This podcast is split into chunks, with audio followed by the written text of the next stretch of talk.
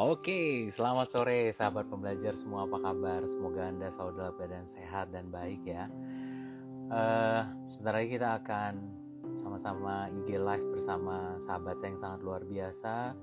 Beliau ini adalah seorang hipnoterapis, clinical hipnoterapis, human design counselor, dan uh, para sahabat pembelajar nanti kita akan sama-sama belajar, kita akan sama-sama mengetahui gimana sih teknik-teknik terapi yang praktis di masa menghubungi dulu. Kita akan coba menghubungi Pak Alka dulu. Semoga Pak Alka sudah ready.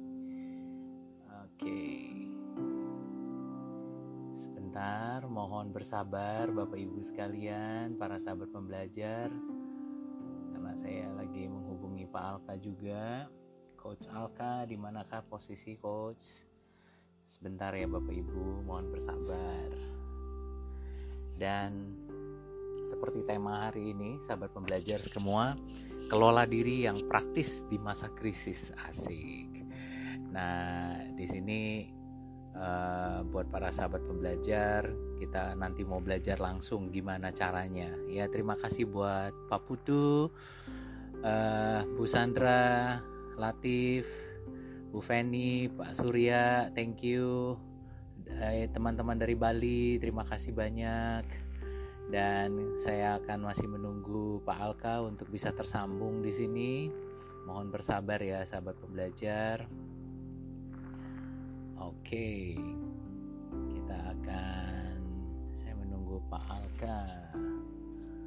Pak Alka di manakah? Yes. Terima kasih. Bu Bu Feni, thank you. Halo Melvin. Oke, okay, kita akan undang Pak Alka. Pak Alka sudah siap sekali nih ya. 3 2 1 go. Masuk. Apakah Pak Alka sudah masuk? Yes. Nah, ini dia. Halo Pak Alka, apa kabar? Halo, selamat. Waduh, dari Bandung nih ya, jauh-jauh nih ya. Hui. Betul, dari Bandung. Mojang Apa kabar ya. Coach Alka? Sehat? Oke, kabar baik, kabar baik nih Mr. Honor. Uh, Wih, luar biasa. Gimana kabarnya nih? Keren, keren sekali kelihatannya. Ini kakak seperguruan saya ini kelihatannya cerah sekali ini. Aduh, aduh, aduh, aduh. Iya, kalau ketemu ketemu seorang uh, apa seorang coach gitu, apalagi hipnoterapis tuh harus semangat dulu gitu, harus cerah dulu gitu ya, uh, biar nggak ketahuan gitu kan. Iya, iya, Coach Alga, wih, yes. ini kelihatannya baru selesai terapi nih ya, jangan-jangan ini ya baru Ini kayaknya masih di ruangan terapi nih masalahnya nih ya, Coach Alka nih ya. Oh, uh, Mr. Honor, jadi ini juga you get a honor ya, jadi mendapatkan oh, kehormatan untuk melihat ruang terapi saya. Ini nah, baru saja sahabat pembelajar tuh, silakan dilihat ya, tuh. Wah, ya, baru ada yang konseling online tadi, jadi gak di ini, gak di gak di kursi ini karena uh, kita oh, juga belum praktek. Oh. Tapi untuk okay. online sih, ya, oke lah sebatas konsultasi. Jadi ini kita Asik. ini, ini tempat kursi panas di mana saya menghandle para klien gitu ya. Oh, iya, dan kali ini lewat lewat lewat kursi itu ada ada begitu banyak sekali orang-orang tercerahkan itu pasti Pak Alka ya. Wes, bisa oh. aja. Dan di kursi, kali ini saya yang siap tercerahkan oleh Pak Honor Asik. di kursi. Wah kebalik, kebalik, kebalik. Oh, Sore ini sah sahabat pembelajar uh, ini sudah banyak banget ini yang yang join bersama kita nih Pak Alka di sore hari ini Coach Alka akan sharing sama sahabat pembelajar semua dengan tema kita kelola diri yang praktis di masa krisis. Wih, dengan iya, siapa? Iya, dengan Pak Al Algus Kanalendra, seringnya dipanggil sebagai Coach Alka. Sahabat pembelajar, Pak Alka ini terkenalnya adalah sebagai seorang writer. Udah berapa buku nih, Pak Alka? Saat ini yang dilemparkan ke market ada empat dan dua khusus hmm. untuk program pelatihan saja. Jadi total enam. Ditambah karya-karya lain yang belum dipublish tapi Keren semoga harapannya harapannya di bulan Agustus atau September keluar buku baru lagi lah. Asik ini nih ya. Ini adalah bukti nah. Coach Alka ini sangat produktif sekali. Di samping itu beliau juga sebagai seorang NLP trainer, sahabat pembelajar, dan juga seorang hipnoterapis, life coach, astrologer. Uh, ini nih. Ya biasanya dulu kalau saya lihat di Intisari itu atau di koran itu sering ada iya, iya bintang apa gitu ya? Bintang Aries gitu bintang Gemini. Wah ketahuan. Ini nanti boleh yeah, juga iya, kasih yeah. bocoran ini. Ini astrologer Waduh, ya. ramalan bintang ya ramalan bintang orang bilang. Iya Coach Alka sebagai seorang uh, numerologis astrologer psikoterapis human design counselor dan clinical hypnotherapist dan kita akan sama-sama belajar sahabat pembelajar pada sore hari ini. Oke Coach Alka langsung aja nih. Uh, selama oh, kurang lebih 30 menit 40 menit ke depan ini uh, kenapa nih Coach? Bisa kasih gambaran dulu nggak buat uh, para sahabat pembelajar kenapa topik ini kita perlu angkat khususnya memang kita tahu hmm. bahwa kondisinya uh, krisis hmm. sudah terjadi gitu kan ya sudah mengglobal juga tidak sedikit kalau kita baca di media massa gitu kan ya di koran-koran juga saya baca itu banyak sekali orang itu mulai makin stres gitu katanya begitu loh hmm. coach. Nah yeah. ini uh, hari ini kita mau belajar nih. Kira-kira ada nggak nih dari Coach Alka nanti tips-tips buat kita dan mungkin bisa kasih gambaran dulu buat para sahabat pelajar. Monggo Coach. Oke, okay, baik. Jadi kalau di sini kali ini uh, izinkan saya menjelaskan dulu ya bahwa yang saya jelaskan di sini itu di apa ya diambil dari perspektif keilmuan yang saya uh, pakai, yang saya praktikkan dalam uh, keseharian saya. Jadi mungkin saja nanti ada yang beranggapan, loh ini kok ngejelasin tentang bagian-bagian diri, bagian kepribadian atau apa? Ini apakah saya kepribadian ganda? Nah, bukan.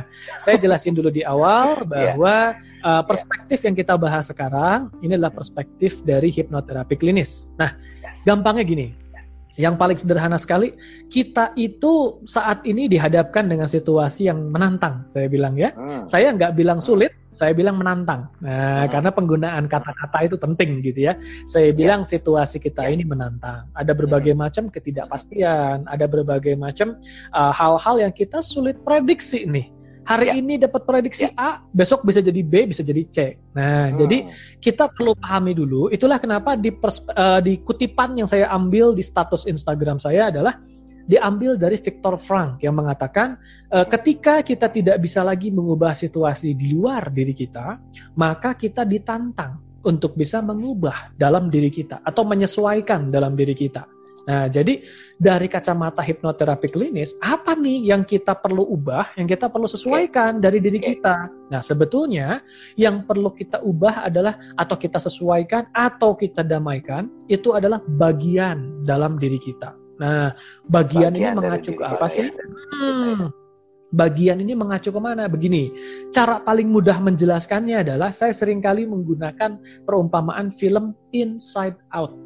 Nah, itu film yang simple dan menurut saya itu sangat edukatif karena menjelaskan sekali bahwa di dalam diri kita itu ya. ada berbagai ya. bagian-bagian. Ada bagian yang memegang rasa takut, ada bagian hmm. yang memegang rasa marah, ada bagian ya. yang memegang rasa happy dan lain sebagainya. Nah, hmm. kalau dari kacamata hipnoterapi klinis, bagian-bagian ini bisa berkonflik itu hmm. yang terjadi di zaman sekarang. Di zaman sekarang itu begini, kita dihadapkan dengan ketidakpastian, kita ya. dihadapkan dengan ya. situasi yang tidak menentu gitu ya. Tapi di sisi lain, berita-berita positif juga terus bermunculan nih gitu. Ya. Soal kesembuhan, ya. soal peluang gitu. Ya. Nah, jadi ya. sering kali terjadi konflik ada bagian dalam diri kita yang melihat oh situasi ini akan berlalu atau oh misalnya ada harapan, oh ada peluang, oh ada keterbukaan hal-hal yang sebelumnya nggak ada sekarang jadi bisa nih gitu ya. Jadi ya. ada bagian dalam diri ya. kita yang melihat ada harapan, ada potensi perubahan dan ada solusi. Tapi tidak bisa dipungkiri, namanya manusia, ada bagian juga dalam diri kita yang mungkin ragu. Mungkin kita merasa emang emang benar nih gitu ya. Uh, saya dikatakan untuk bisa berpikir positif tapi melihat realita yang ada sekarang memangnya bisa berpikir positif? Kalau iya. besok saya yang kena gimana? Kalau besok keluarga saya yang kena gimana? Nah di nah. sini terjadi konflik antara ya. Bagian ya. yang inginnya meyakini hal positif hmm. dengan bagian hmm. yang justru tidak bisa melihat kepositifan tersebut karena dia larut dengan emosi-emosi yang orang menyebutnya dengan nama emosi negatif gitu ya. Oh, Saya okay. lebih sering oh, menyebutnya okay. dengan emosi yang tidak pada tempatnya. Nah, jadi oh. sering kali terjadi konflik itu tuh. Nah, yang kita bicarakan sekarang nanti terutama adalah bagaimana kita mengelola bagian-bagian dalam diri kita agar harmonis. Asik. Ya, agar kita tidak tidak berkonflik atau menjadi pribadi yang ya. galau, orang bilang. Hmm. Nah, seperti itu, Pak Honor. Nah, ini lagi banyak nih Coach Alka nih yang lagi galau-galau, galaunya di level men, apa separuh menuju level tinggi katanya seperti itu tuh. Nah, nah Coach Alka ini menarik sekali nih ya dan ya. Uh, buat para sahabat pembelajar yang sudah join terima kasih ada Coach Adang juga di sini dan uh, sahabat-sahabat pembelajar semua bagi Anda yang mau bertanya silakan Anda bisa chat dan nanti mudah-mudahan kami bisa uh, saya bisa membacakan dan juga nanti coach Alka bisa menjawab apa yang menjadi pertanyaan para sahabat pembelajar semua. Nah, uh, coach Alka ini menarik sekali ya. Tadi kata coach Alka bilang ibaratnya seperti kayak di film Inside Out itu ternyata di dalam mm-hmm. diri kita itu ada banyak sekali uh, em, jenis-jenis emosi begitu kan yang kadang-kadang yang terjadi adalah belum tentu mereka tuh harmonis gitu ya bisa ada konflik satu sama lain. Saya itu ingat di film Inside Out itu kadang-kadang antara happy sama sad itu sering tarik menarik begitu. Yang happy mau iya. happy terus, yang sedih mau sedih juga begitu loh. Kadang-kadang ini nggak ketemu akhirnya jadi konflik gitu.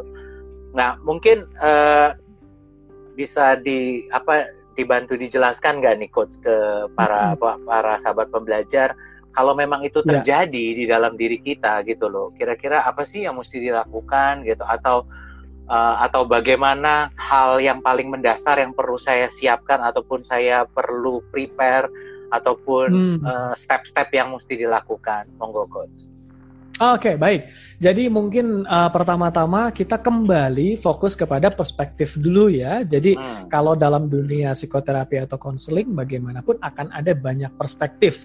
Dilihat hmm. dari perspektif A, maka satu masalah didefinisikan sebagai A, dilihat yeah. dari uh, perspektif yeah. B, masalah itu bisa didefinisikan sebagai B. Nah, kalau dari uh, perspektifnya hipnoterapi hmm. atau mungkin perspektifnya di sini tuh udah ada yang ngetik status itu bagus katanya part terapi. Saya ambil hipnoterapinya dulu deh gitu ya. Wih, hipnoterapi iya itu kita melihatnya gini sederhananya bahwa di dalam diri kita itu ada mode-mode. Jadi yang dilambangkan di film Inside Out itu paling enggak sudah cukup mewakili ya. Meskipun yeah. dalam prakteknya yeah. nanti si mode-mode itu banyak lagi nih. Ada mode hmm. dari diri kita yang tugasnya untuk bekerja, ada mode dari diri kita yang tugasnya untuk tidur, untuk hmm. rileks. Jadi saya sering kali mengajak orang itu membayangkan, bayangkan diri kita itu kayak perusahaan Nah, hmm. kalau si perusahaan itu departemennya kerjanya bagus, hmm. maka perform juga tuh. Tapi sering kali ada departemen yang kelas. Nah, misalnya antara marketing dengan budgeting nih, dengan akunting, hmm. kelas nih, ya enggak? Yeah. Nah, ketika mereka yeah. kelas, otomatis akan muncul gejala permasalahan di lapangan. Nah, gejala ya. permasalahan ini misalnya order yang lama keluar, budget yang lama turun, itu kan dari kacamata korporasi. Begitu ya. juga di, di diri kita. Diri kita ini ada bagian-bagian di mana setiap bagian ini punya fungsi dan peran. Nah, hmm. si fungsi dan perannya ini sudah sudah istilahnya memang dari sananya fungsi dan perannya untuk dijalankan. Misal ada bagian yang fungsinya atau terbiasa. Saya menggunakan kata terbiasa karena ada bagian dalam diri kita yang terbiasa untuk berpikir positif. Nah, ada bagian dalam diri kita yang mungkin saja bukan terbiasa, tapi lagi terganggu nih oleh berbagai macam isu positif positif tetangga saya kena itu nah, hmm. atau misalkan positif positif ini gimana ini besok kalau nggak pasti kalau PHK gimana nah jadi ada bagian yeah. lain yang juga punya pendapat berbeda.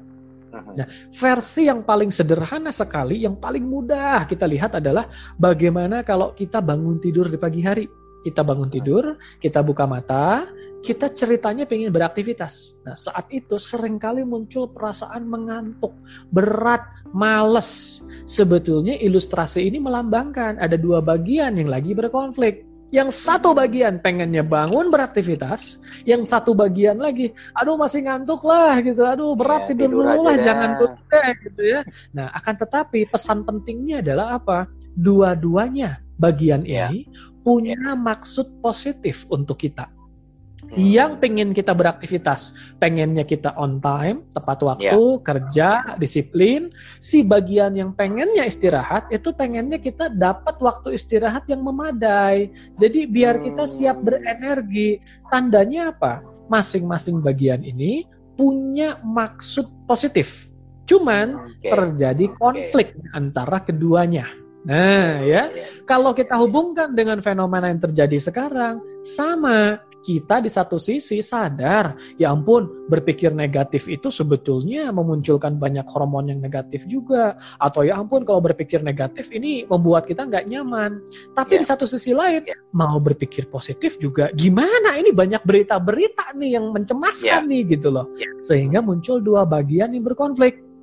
Satu bagian yang ingin fokus pada hal positif, satu bagian yang ingin fokus pada hal bukan ingin fokus ya, tapi ada bagian yang mungkin spontan fokus pada hal-hal negatif atau kecemasan. Yes. Nah, yes. hal pertama yang perlu kita sadari, dua-duanya punya maksud positif. Okay. Si bagian yang okay. ingin kita berpikir positif itu memang dia ingin kita melihat harapan. Dia ingin kita fokus pada apa yang bisa kita lakukan, ingin kita fokus pada tindakan-tindakan yang membawa upaya perubahan. Nah, hmm. itu niat dari si bagian yang ceritanya mewakili pemikiran positif. Tapi ada juga bagian yang ceritanya nih kita tafsirkan berpikir negatif. Karena kita tafsirkan begitu. Padahal niatnya dia kalau kita inspek lebih dalam, dia ingin apa? Kita berhati-hati. Jangan jalan sembarangan, jangan yeah. cuek sama diri sendiri. Nah, jadi yeah. sebetulnya bagian yang mewakili kecemasan dalam diri kita sekalipun Nggak itu selamanya buruk ya coach ya. Iya, dia terlihat buruk hanya di level permukaan. Oh, Tapi okay. kalau kita dalami maksud baiknya, kalau kita pahami gitu ya, sebetulnya dia punya maksud positif. Nah, maksud positifnya apa? Misalnya ingin kita berhati-hati, ingin yeah. kita untuk jangan gegabah buat keputusan. Nah, yes. Nah, lihat dua-duanya selalu punya maksud positif. Nah, karena dua-duanya di permukaan terlihat berkonflik, kita jadi orang yang ketarik-tarik nih karena nggak ngerti hmm. maksudnya di satu sisi kita ketarik jadi uh, konflik gitu dalam artian aduh harus berpikir positif harus berpikir yang sehat-sehat apalagi nih banyak para viewer yang pembicara motivasi gitu ya, yang biasa membicarakan hal positif jadi hmm. sudah jalan tuh fungsi otomatis dari bagian berpikir positifnya. Yeah. Tapi ada bagian yeah. lain yang entah kenapa secara natural memberikan hmm. semacam sense of apa perlindungan yang eh berpikir positif 100% juga kamu bisa gegabah nanti gitu loh. Maka hmm. diberikanlah yang namanya ketemasan, diberikanlah yang namanya ketakutan. Hal itu menjadi masalah karena kita nggak paham dan kita belum tahu cara mendamaikan mereka. Nah, mungkin ya, sana ya, ya, pembukanya ya, ya, nih ya, Pak Hono. Asik. Nah, berarti ketika ada rasa ngantuk begitu berarti jangan selalu direspon negatif gitu ya coach ya setidaknya itu adalah kode yang bagus gitu kan ya bahwa. Ada kita perlu punya waktu nih sama diri sendiri gitu ya. Ya Betul. nanti memang kita selesaiin pekerjaan kita tapi juga ingat bahwa ada part yang bagian tersebut itu yang kita juga perlu servis dia, perlu kita ajak komunikasi sama dia begitu ya coach ya. Betul, betul, betul, betul. Sederhananya seperti itu. Tadi contoh tadi nih baru ya. aja ya. yang konseling dengan saya itu tadi eh, konseling uh, soal soal sama lah bagian-bagian dalam dirinya gitu. Hmm. Yang sering kali terjadi adalah orang itu keluar celetukan spontan hmm. yang mengutuki mengutuki hmm. atau membenci bagian dalam dirinya yang dirasa tidak sesuai harapan. Nah, contoh hmm. ada orang yang begini misalnya, aduh, saya tuh heran deh sama diri saya, kenapa ya saya kok mudah banget cemas, kenapa ya saya kok uh, mudah banget apa uh, tidak bisa mengendalikan diri ketika harus tampil di hmm. keramaian. Nah, kemudian yeah. kita bilang, saya tuh benci deh sama diri saya kalau lagi kayak gitu. Nah, hmm. jadi ada orang yang tanpa sadar dia ceritanya menunjukkan ketidaksukaannya atau kebenciannya pada perasaan dalam dirinya yang di mana perasaan itu diwakili oleh bagian dalam dirinya. Hmm. Ini yeah. yang membuat sense of conflict itu semakin besar. Ceritanya nih ada rasa cemas muncul. Ingat, di balik rasa cemas ada pesan. Ya. Ada ada pesan positif kita perlu berhati-hati. Bayangin kalau kita nggak punya rasa takut, kita nggak punya rasa cemas, nyebrang jalan kayak gimana tuh? Sembrono ya enggak? Kita nggak lihat jalan kiri tol kanan. udah positif gitu kan ya. Terus Positif, nyebrang. wah itu. pokoknya sesuai yang kita yakini gitu ya. Langsung Iya. nyebrang. Up bisa tabrak dong. Nah jadi yang Iya, iya, namanya perasaan negatif seperti cemas takut dan lain sebagainya Hmm. itu sebetulnya sinyal atau message bahwa dia sedang ingin mengingatkan kita Jangan dulu kita tafsirkan secara negatif. Begitu juga di masa sekarang. Kalau kita merasa ada kayak perasaan cemas, ketakutan, Ya. atau bahkan perasaan-perasaan respon yang kita nggak inginkan, jangan dulu mengutuki diri kita, jangan dulu mengutuki perasaan itu. Justru Hmm. kita belajar mengelolanya secara praktis agar di masa krisis ini mereka bisa mendapatkan resolusi yang win-win. Gitu. Ah, ini menarik nih Coach Alka. Kita padahal sering ya dengar yang tadi kata Coach bilang, orang bilang gue tuh benci banget loh sama diri gue, gue nih begini, begini, begini gitu ya. Ya, sibuk mengutuki, akhirnya makin berkonflik itu ternyata itu ya Coach ya, di dalam diri kita. Betul. Itu yang membuat akhirnya banyak orang yang seolah-olah benci dirinya sendiri. Banyak orang-orang yang jadi ragu sama dirinya sendiri. Karena dari iya, awal iya. mereka tidak menangkap message positif dari bagian tersebut. Nah, tugas Oke. kita kalau saya terutama sebagai seorang hipnoterapis klinis di ruang terapi saya, ini kalau sudah masuk proses terapi, kalau konseling sih jarang ya, tapi kalau masuk proses terapi, saya Ya. biasanya mengajak mereka mendamaikan. Jadi bagian yang Hmm, mewakili rasa oke. takut, rasa marah, rasa cemas, itu punya pesan positif yang ingin Oke. mereka sampaikan pada kita. Yang kita pahami apa? Pesannya. Jangan ujuk-ujuk kita judging mereka di permukaan. Nah, seperti itu, Pak Honor. Iya, iya, iya. Baik, eh, tadi Coach Alka bilang nih, eh, di balik setiap kecemasan, kekhawatiran, atau perasaan-perasaan takut itu pasti selalu ada pesan positif ya Coach ya.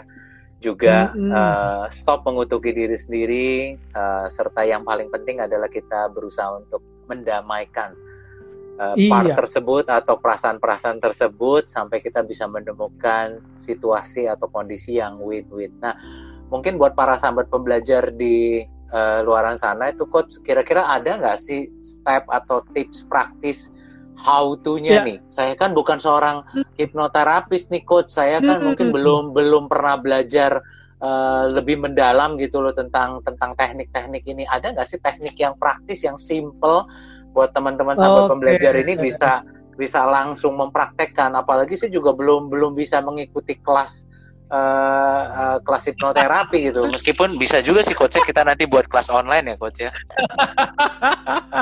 Aduh, ini luar biasa Pak Honor ini ya. Yang pertama insting bisnisnya kenceng, yang kedua merendahnya luar biasa ya. Bilangnya nggak ngerti, nggak ngerti. Ah, saya belajar dari Pak Honor loh itu sebetulnya ya para pendengar ya. Itu Enggak, saya belajar. itu bohong itu saya belum belajar itu tuh. ini coach Alka ini suheng saya kalau masalah hipnoterapi ini ya. Saya perlu belajar Bisa dari beliau. aja. Oke, jadi gini, kalau kita Ya. bicara tips praktis ya, tips yang praktis itu sebelum masuk ke cara, karena ada yang namanya cara, ada yang Ya. namanya pemahaman. Ya, Oke. kita masuk ke pemahaman dulu, jangan dulu Oke. ke cara nih. Kalau langsung masuk ke cara, esensinya kita nggak dapat. Nah, Siap. pemahaman yang pertama adalah kita harus sadar dulu bahwa diri Hmm. kita ini terdiri dari berbagai macam istilah saya mode istilah saya Hmm, ya oke. nantinya nantinya kita bisa menyebutnya dengan nama bagian boleh lah nggak masalah itu disebut dengan nama apa pun nggak ya, masalah Tadi Oh, ada mau nama- nama ada teman dari dari Bandung tadi mengatakan ada part tertentu yang berkonflik tadi kata seperti itu ya coach. ya betul jadi Hmm. hal seperti itu istilah lah ya. Ada yang menyebutnya dengan nama ego state, resource state. Nah, saya kali ini Oke. pengen mengambil istilah yang sederhana yaitu mode. Namanya Mode. mode, gimana? Ya gampangnya gini deh. Kalau kita lagi dalam mode serius ceritanya, ya orang ngajak ngobrol perkara-perkara itu kita sikapi secara serius, ya enggak? Ya. Karena mode serius itu yang lagi menggerakkan diri kita. Begitu Hmm. kita lagi mode santai, maka orang mengajak komunikasi kita responnya juga santai. Nah, mode ini yang tadi kita sebut dengan nama bagian, bagian, bagian, bagian. Saya sederhana mengilustrasikannya dengan nama mode. Kita perlu sadar diri kita ini punya banyak mode nih dalam diri kita. Ada mode yang bawaannya berpikir kritis, ada mode yang bawaannya berpikir humoris, ada mode yang bawaannya berpikir mungkin juga tentang hal-hal yang strategis gitu loh. Hmm. Ada juga mode yang takut, ada mode yang cemas. Jadi yang namanya emosi, yang namanya kebiasaan itu diwakili. Ada mode-mode dalam diri kita yang aktif sesuai dengan emosi dan pemikiran tersebut. Nah, mode itu yang tadi kita sebut dengan nama bagian diri ya. Sebenarnya Jadi ada ada ada ada penelitiannya nggak sih coach yang misalkan mode itu kalau di total ada berapa jumlahnya pernah ada okay. ada informasi nah, tentang itu nggak sih coach? Kalau dikatakan jumlah sampai sekarang yang memvalidasi jumlahnya ada berapa itu tidak pernah. Kenapa? Karena hmm. mode itu evolve. Yang namanya mode okay. itu kalau secara fisiologis nantinya kita pahami memang agak teoritis, tapi secara fisiologis di balik mode itu sebetulnya ada akson dan dendrit sebetulnya di dalam otak okay. yang terhubung membentuk sistem syaraf. Nah, ketika kita lagi berpikir kritis nih, lagi berpikir kritis, saat itu sistem syaraf kita ceritanya dalam otak itu lagi bekerja sesuai dengan pemikiran kritis itu. Nah, hmm. secara psikologis ada mode yang sedang aktif di sana. Mode ini yang disebut dengan nama bagian atau part itu. Ya, okay. jadi perlu kita sadari dulu. Prinsip pertamanya dari perspektif hipnoterapi, terutama part terapi, kita ini punya banyak mode kepribadian atau mode bagian diri dalam diri kita yang memiliki peran dan fungsi spesifik. Itu dulu ya. Yang kedua, setiap mode ini melambangkan fungsi peran. Karena tadi fungsi dan perannya spesifik ketika dia muncul dia memainkan fungsi dan perannya. Contoh hmm. ada mode yang ketika aktif membawa rasa takut. Ya memang mode itu membawa rasa takut. Sehingga ketika dia aktif itulah yang kita rasakan. Tapi apakah itu diri kita secara keseluruhan? Tidak hanya satu atau beberapa mode. Jadi kalau ada orang yang bilang seperti ini, aduh saya tuh orangnya nggak pedean, aduh saya itu orangnya minderan. Tunggu dulu, bukan kita semua seluruh diri kita pe nggak pede, pede, minder, bukan. Ada bagian dalam diri kita yang merasa nggak pede, merasa minder di situasi spesifik tertentu tapi yeah. cuma bagian spesifik saja bukan berarti seluruh diri kita itu kesannya nggak hmm. pede atau nervous gitu jadi bagian spesifik ya yeah. nah artinya ketika kita punya kecemasan ketika kita merasa takut ketika kita punya emosi-emosi negatif bukan berarti kita juga mengatakan aduh saya ini orangnya penakut tunggu bukan saya penakut saya pencemas ada bagian dari diri saya yang takut yang cemas ketika saya dihadapkan dengan situasi apa. Nah, seperti itu ya. Hmm. Nah, yang namanya tadi ketakutan, kecemasan itu emosi alami dalam diri manusia. Jadi kita semua punya yang namanya ketakutan. Loh, kalau kita nggak punya rasa takut, gegabah kita menjalani kehidupan. Jadi yang namanya rasa takut, rasa cemas itu wajar adanya dalam diri kita. Menjadi yeah. tidak wajar ketika dia aktif di waktu dan tempat yang tidak tepat. Hmm. Contoh, saya mau tampil di nih sekarang nih Instagram live ceritanya saya mau Instagram live harusnya mode yang aktif dalam diri saya adalah mode yang ready mode hmm. yang siap berbicara yeah. mode yang siap yeah. mengimbangi suheng saya yang jago ini nih kan gitu ya nah kebayang ya di situasi ini yang aktif taunya malah mode saya yang nervous aduh aduh aduh saya mau di Instagram live sama Suheng saya ini. Aduh kacau ini. Ini Suheng saya sakti ini. Lah kalau yang itu contoh ya. Iya iya iya. Kalau ya, yang ya, ya. aktif, yang aktif adalah padahal, padahal yang saya lagi cemas itu sebenarnya sih tadinya itu gitu. itu, itu nanti bisa diterapi itu tenang. Oke, siap siap siap.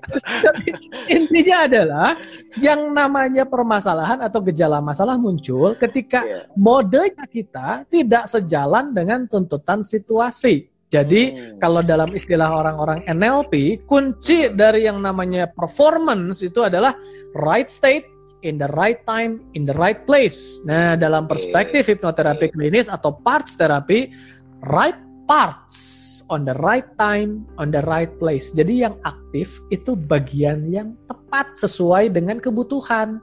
Nah, misalkan Pak Honor nih saat ini lagi di lagi di mode seorang presenter. Wah, ya presenter memandu saya. Lah, habis ini Pak Honor ketemu sama istri, modenya masih pakai mode presenter. Kan repot pak. Ya? Oke okay, ketemu tuan kalau ketemu istri kan yang aktif modenya mode romantis ya enggak yang mode seorang suami kan gitu nah jadi iya, iya, iya. mode ini yang kita sebut dengan nama bagian dan teknik iya. terapi untuk mendamaikan konflik antara mode atau bagian ini iya, iya disebut dengan nama part terapi sesuai yang ditulis nah di situ ya jadi uh, ini menarik nih coach. Berarti tugas kita adalah tidak mudah menjadi pribadi yang mengeneralisir uh, terhadap Betul. perasaan yang muncul ataupun kok moodku iya. begini ya saat ini kena gini ini kenapa ya ini kok gue tiba-tiba jadi nggak pede jangan langsung kita menyimpulkan uh, menjadi sebuah kesimpulan utuh bahwa kayaknya ada yang nggak beres itu padahal itu cuma hanya part tertentu yang kita coba perlu ajak berkomunikasi maksudnya begitu kali ya coach ya Nah, maka dari pemahaman ini sekarang kita masuk ke cara bagaimana ah, caranya ini. biar kita bisa lebih peka, kita bisa membuat yang namanya inner peace atau perdamaian hmm. dalam diri gitu ya. Ini nah, seperti kayak kungfu panda itu inner peace. Iya benar juga. Inner peace, inner peace. Nanti ya. saya ganti deh istilahnya ya. okay. Gak apa-apa, gak apa-apa coach gitu. Ini teman-teman sahabat pembelajar udah udah nonton kok gitu ya. Jadi udah Oke oke oke. Jadi gini, yang paling pertama sekali kenapa tadi saya mulai dari fondasi pemahaman dulu agar ya. kita tidak mengeneralisir dan kita tidak mengutuki diri kita ketika ya. ada emosi atau perilaku yang kita nggak sukai yang kita lakukan tanpa ya. kita bisa kendalikan. Misalnya kita punya ketakutan, kita punya kecemasan, bahkan kita punya rasa bersalah, kita punya rasa-rasa apa pun itu. Tenang dulu, ya. itu bukan ya. diri kita seutuhnya ya hmm. ada bagian dalam diri kita yang memegang emosi atau perasaan itu jadi itu dulu hmm. dan kalau kita mengutuki respon-respon itu misalkan kita bilang gue heran kok gue lebay banget ya atau gue heran kok gue gampang banget down ya kita lagi mengutuki ah. bagian itu ceritanya nih nah yang terjadi semakin sense of conflict itu semakin besar hmm, nah, jadi part itu part itu juga juga juga bisa makin makin kesel juga dong ya coach ya berarti ya. Iya, punya niat Dengan baik kok nggak diterima gitu. Oh, Betul ya. Nah, kalau kita bicara sekarang ngomongin caranya nih baru pertama-tama kita perlu peka dulu menangkap keaktifan mode atau part apa yang mengganggu bagi kita. Misal, kita lagi baca sosial media, baca berita-berita soal COVID-19, ya, kemudian tiba-tiba muncul rasa takut. Aduh, aduh, aduh, ini tetangga kena. Aduh, aduh, aduh, ada ada ada ada lingkungan saya yang kena nih. Aduh, aduh. Nah, itu muncul tuh, muncul reaksi. Ya. Ingat, setiap reaksi diwakili oleh part tertentu yang sedang ingin menyampaikan message. Jadi, hmm. daripada kita kantor balik dan kita bilang, oke, okay, berpikir positif dong. Apa yang terjadi? Message dari part itu nggak kita tangkap. Nah, di sini kita diajak untuk bersahabat dengan diri kita, mendengarkan dialog batinnya. Misal, muncul rasa takut, Misal muncul rasa cemas, di sana kita melakukan dialog batin dengan diri kita. Misalnya seperti ini, aku merasa takut, aku merasa cemas, dan aku berterima kasih atas rasa takut dan cemas ini. Silakan sampaikan apa pesanmu tentang hal yang harus aku jaga, harus aku perhatikan. Nah, rasa takut itu memberikan message bagi kita atau sebuah pesan. Kalau kita bisa tangkap pesannya, maka si rasa takut ini juga bisa menjadi lebih jinak Nah, contoh ya, ada orang pernah digigit anjing waktu kecil, maka hmm. muncullah sebuah part yang merasa takut pada anjing.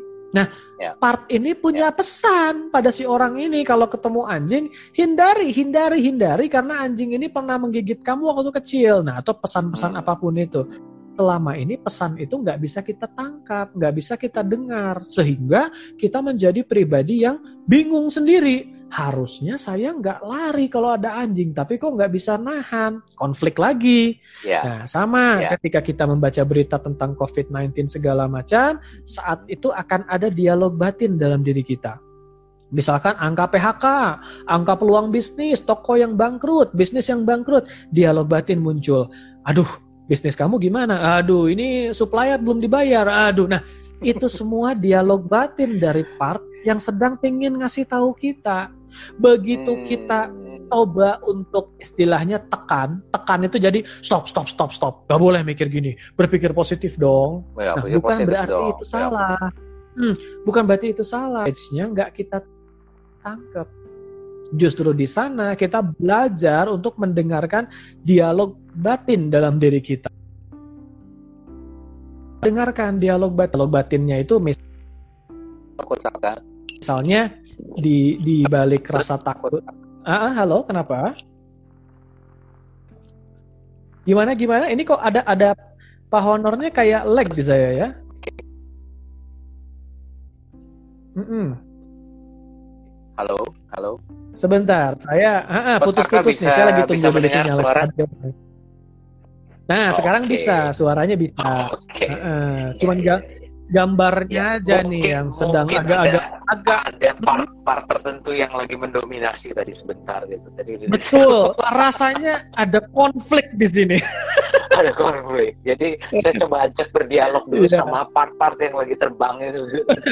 Jadi ini saya saya pura-pura batin sama diri sendiri aja dulu deh ya. Jadi, jadi saya saya tidak mengutuki, saya dialog batin dulu. Nah, jadi saya lanjut dulu deh ya moga-moga di yang ya, lain jelas. Tadi, tadi kita, uh, di yang lain saya bilang pengen dengar ya, coach ya. Betul. Uh, pertama kali yang perlu dilakukan lain, adalah tekniknya peka. Uh, kita cek part apa saja yang saat ini muncul di permukaan dan tugas kita adalah ajak Betul. dialog dengan part, tertentu, part tersebut. Misalkan cemas, nah. apa cemas, aku berterima kasih uh. atas perasaan itu. Mungkin ada pesan apa yang sebenarnya perasaan cemas mau sampaikan gitu kan ya. Begitu ya coach ya tadi ya. Betul. Jadi kenapa kita awali dengan rasa terima kasih? Karena kita sedang ingin membangun self appreciation terhadap diri. Kita ingin bisa membangun rasa penghargaan terhadap diri kita. Okay. Jadi bukannya yang cemas, kok cemas sih? Nah, bukan begitu.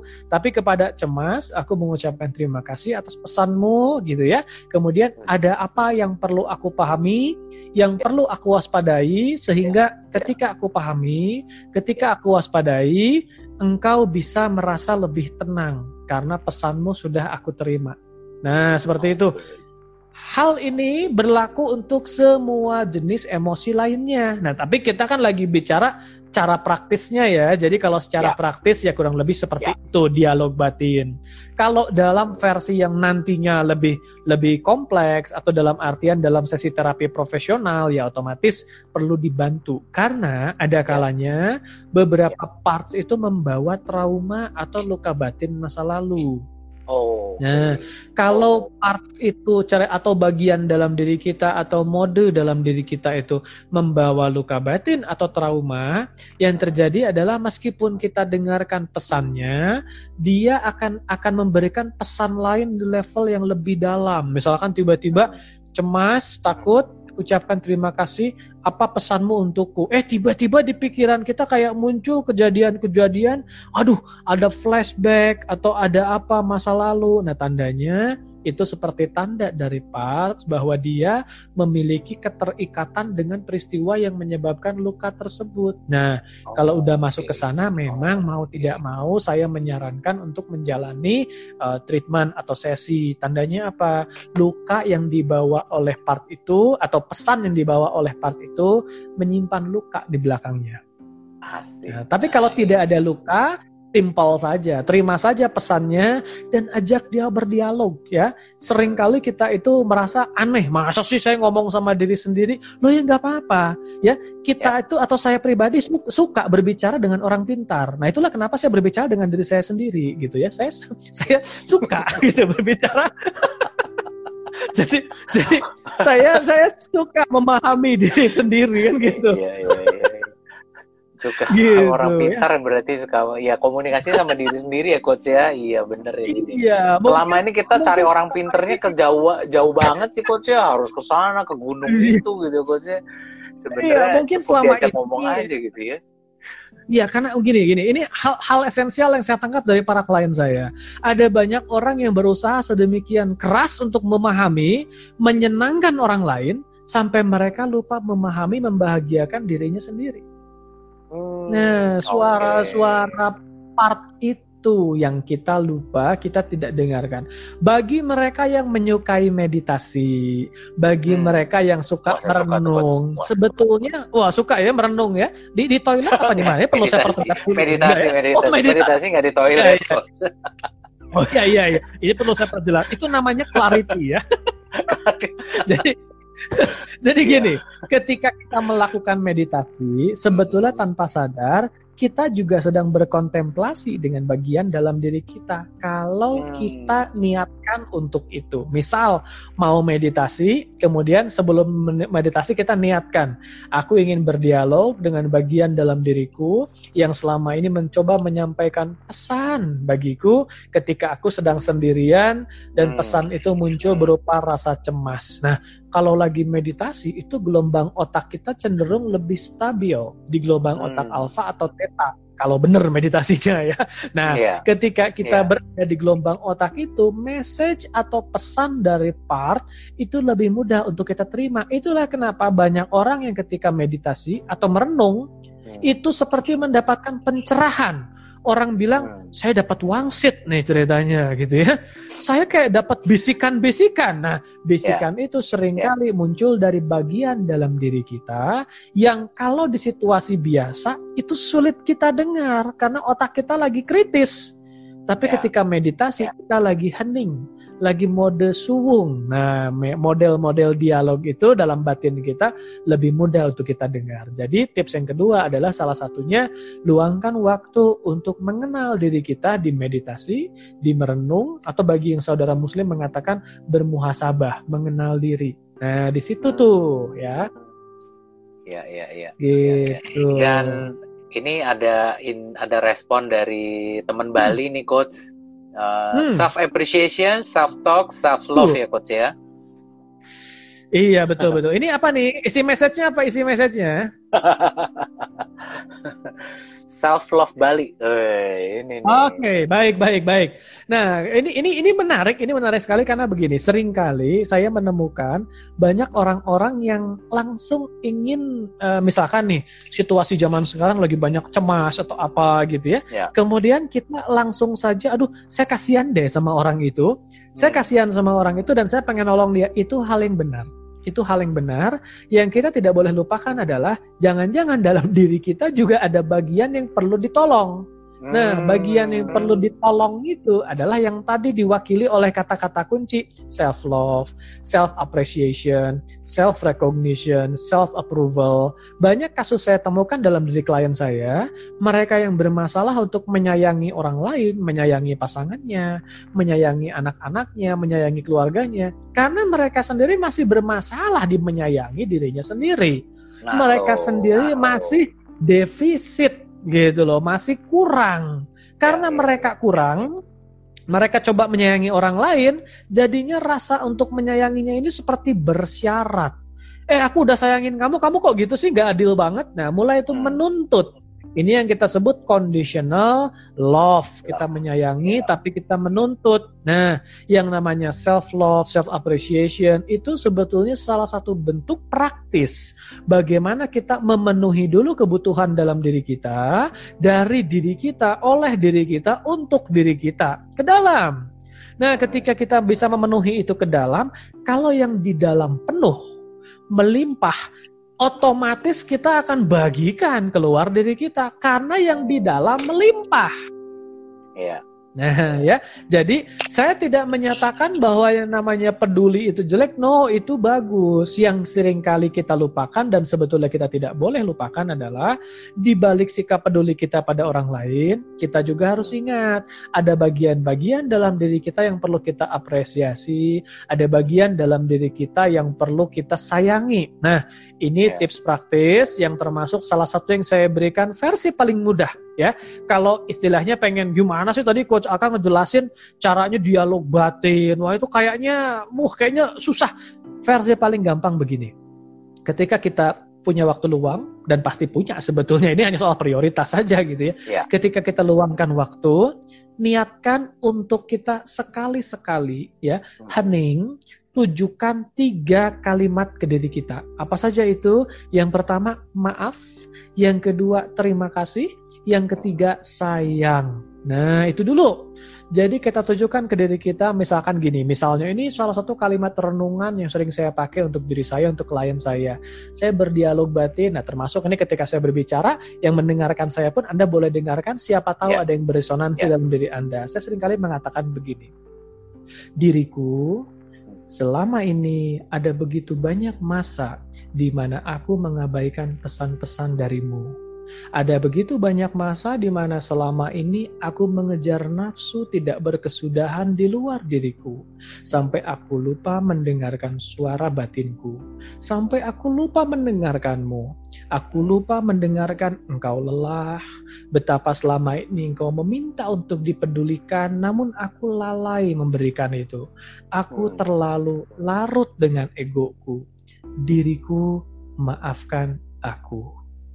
Diriku, aku minta maaf atas segala ego yang selama ini terlalu kuikuti di luar sana sampai aku mengabaikanmu. Maafkan aku. Diriku, ada begitu banyak hal yang selama ini telah kita lakukan bersama. Ada begitu banyak kenangan indah yang kita lalui. Ada begitu banyak pencapaian yang sudah kita dapati. Mungkin selama ini aku lalai menyadarinya. Diriku, terima kasih. Aku bersyukur berkat keberadaanmu ada begitu banyak hal yang bisa kita capai bersama. Diriku, engkau layak mendapatkan berbagai hal yang lebih baik lagi.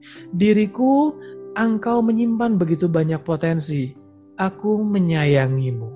Nah lihat, maaf, terima kasih, sayang, itu bisa kita tujukan ke diri kita dalam bentuk hmm. seperti sajak dalam bentuk seperti kalimat-kalimat yang secara tulus kita ajukan sampai rasa itu muncul.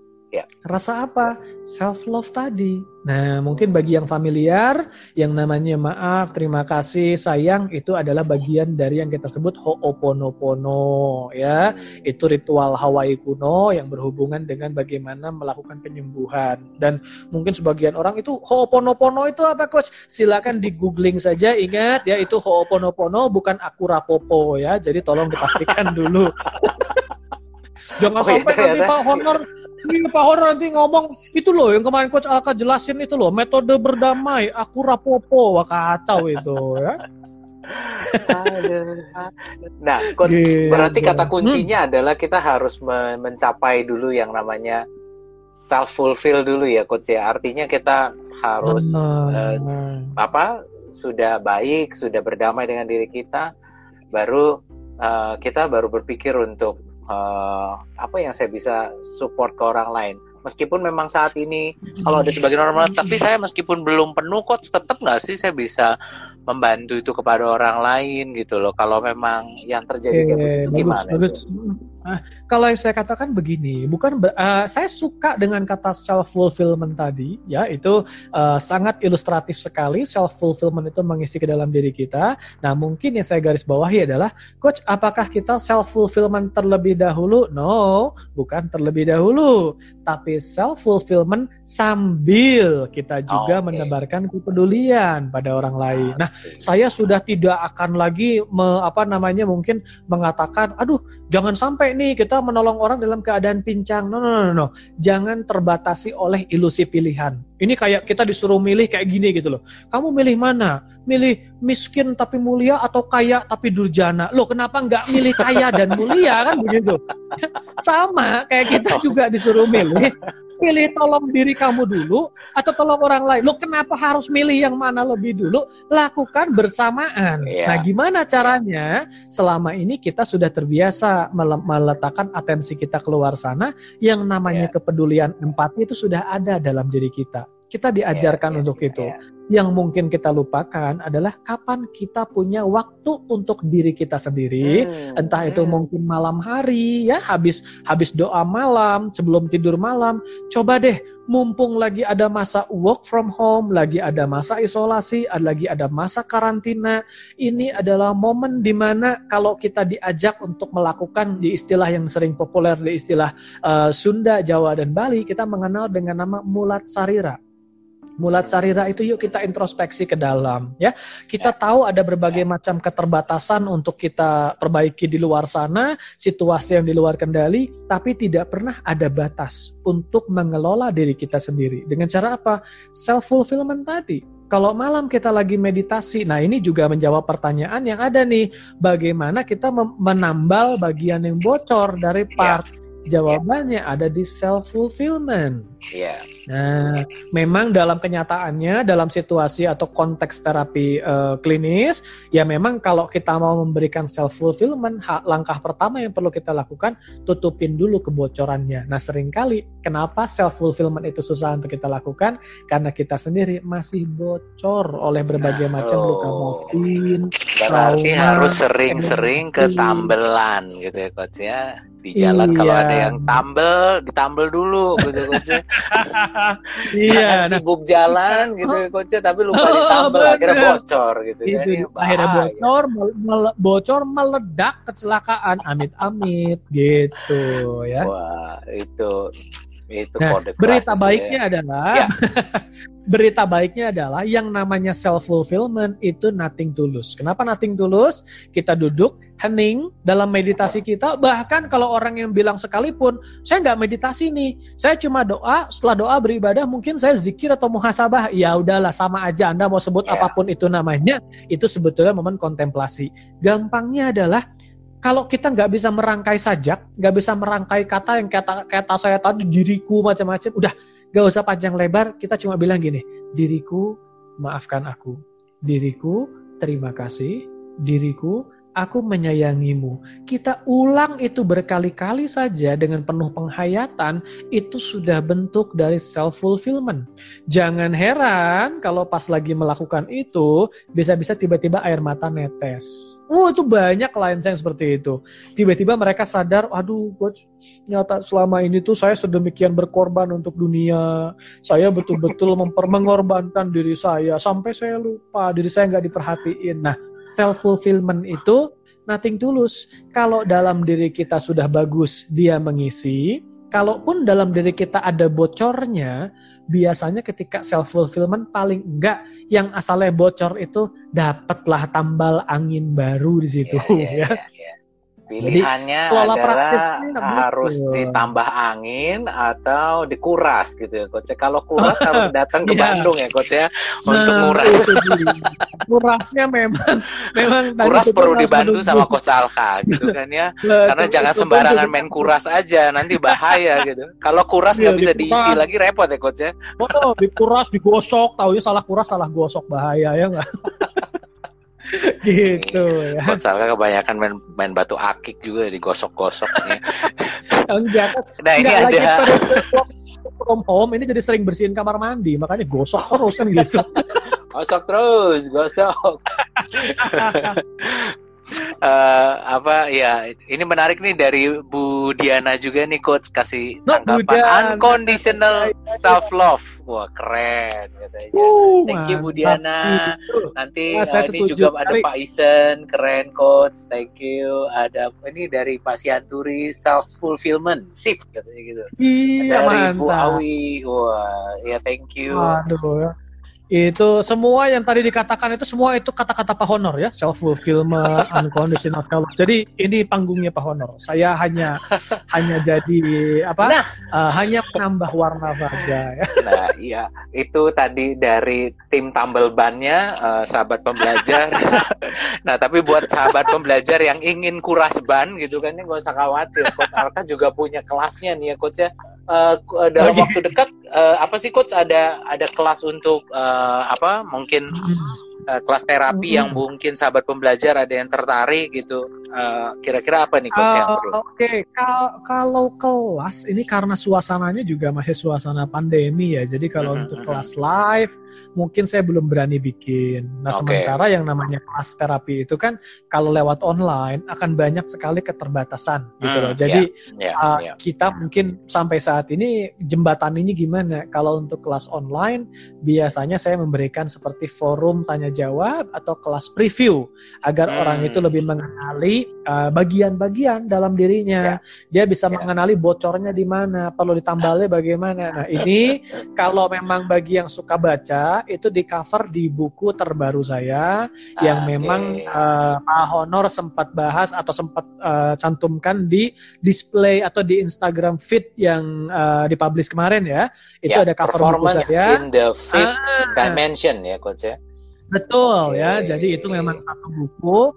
Uh, bahasanya memang terus terang itu bahasa praktisi, bahasa terapis sekali, tapi bukan berarti tidak bisa dinikmati oleh orang awam.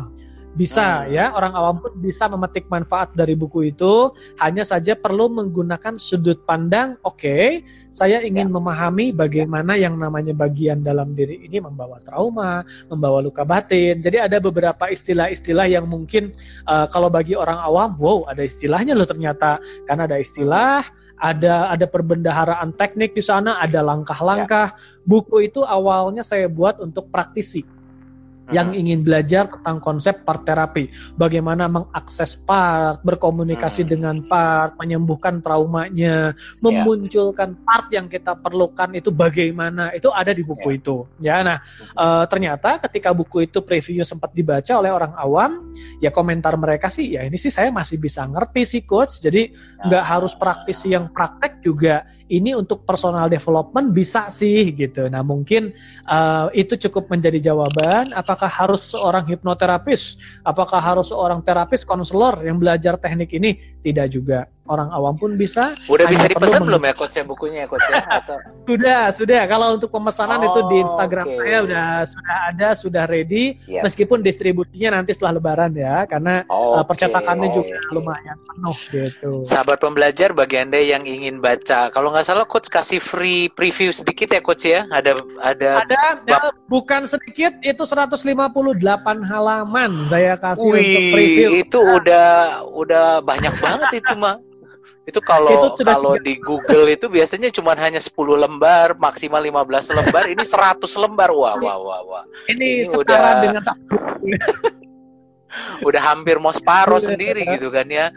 Kayak luar biasa Kalau separuh, separuh mungkin seperempat karena totalnya oh, tuh ya, 600 ya. halaman. Ya. Jadi iya uh, paling enggak cukup lah untuk, untuk ya. uh, relatif ya saya bilang ya. biasa saja. bagi bagi yang nggak familiar mungkin bilangnya tebal so it's okay ya, ya, ya, uh, paling paling enggak dari sana uh, menunjukkan bahwa saya nggak setengah-setengah kenapa Asik. itu tebal sekali Asik. karena memang saya step by step memberikan secara mendetail di buku itu ada Yes. Wih, segera miliki sahabat pembelajar dan Anda bisa kontak langsung di IG-nya Coach Alka ya di Alguska at Alguska dan sahabat pembelajar silakan follow dan mention. Uh, terima kasih banyak Coach Alka buat waktunya nggak kerasa nih gitu udah mau satu jam loh dari target kita Ih, cuma 40 aduh. menit ini. Mundurnya panjang nih ya. Memang gak kerasa kalau sama Pak Honor itu memang dahsyatnya. Aduh, kangen banget ini coach ya bisa training bareng lagi nih ya sama coach Alkan yeah, ini seru banget ya. Mudah-mudahan nanti setelah lebaran kita sudah bisa masuk uh, normal lagi menuju new normal baru nih coach ya. Dan kita Siap. Nanti kita masuk di kelas-kelas berikutnya buat sahabat pembelajar yang mungkin tertarik uh, butuh program uh, training tentang uh, terapi dan juga parts terapi. Silakan nanti bisa mengkontak di bisa DM di saya ataupun Coach Alka. Nanti kita bisa komunikasi lebih jauh. Coach Alka, thank you buat waktunya. Ya. Sama-sama Pak Honor dan sekedar mengundang juga siapa tahu free nanti hari Kamis ada okay. semacam uh, uh, apa namanya kelas dasar di mana saya mengulas tentang numerologi. Itu di Instagram oh. saya juga ada. Siapa tahu. Nah, numerologi ini bukan part ya, nggak ada hubungannya yeah, yeah, sama yeah, part, yeah, yeah, yeah, tapi yeah, membantu kita untuk memahami struktur uh, diri kita itu seperti apa ya, uh, karakter kita, uh, kepribadian kita termasuk juga apa namanya tuh kecenderungan alami kita. Di situ saya akan ya. mengulas juga ya tema-tema trauma yang sering dialami dari sudut pandang numerologi seperti apa. Setiap orang bawa yang namanya tema trauma, tema luka batin. Nah, kalau dihubungkan dengan parts terapi, di situ kita jadi bisa mengira-ngira ada parts apa yang terluka dalam diri kita. Ya, itu dua keilmuan yang berbeda, tapi kalau ditarik penghubungnya ada ya, di situ ya, ya. penghubungnya. Ya. Ya, ya bagi yang ingin sudah... lihat, lihat, lihat Instagram ya. saya aja lah nanti. Itu ya. sudah meditasi di sekian bulan purnama yang full moon banget ini. Jadi Pak Alka udah oh, dapat sampai, oh, sampai melolong-lolong di bulan purnama itu ya. Pak Alka, thank you. Dan terima Sama. kasih juga buat sahabat pembelajar yang sudah berinteraksi. Terima kasih Pak Egi, Bu Ani, Pak Isen. Dari Bali juga nih, Suksma Nuhun, Coach uh, Pak Honor dan juga sehat bahagia selalu bu buat Budiana dan sahabat pembelajar semuanya. Terima kasih banyak. Coach Alka, kita ketemu di lain kesempatan. Yes. Sehat selalu ya yes, Coach. Salam buat keluarga. Eh, Sampai ketemu. Oke. Okay. Thank you Coach. Sama-sama. Bye-bye. Bye.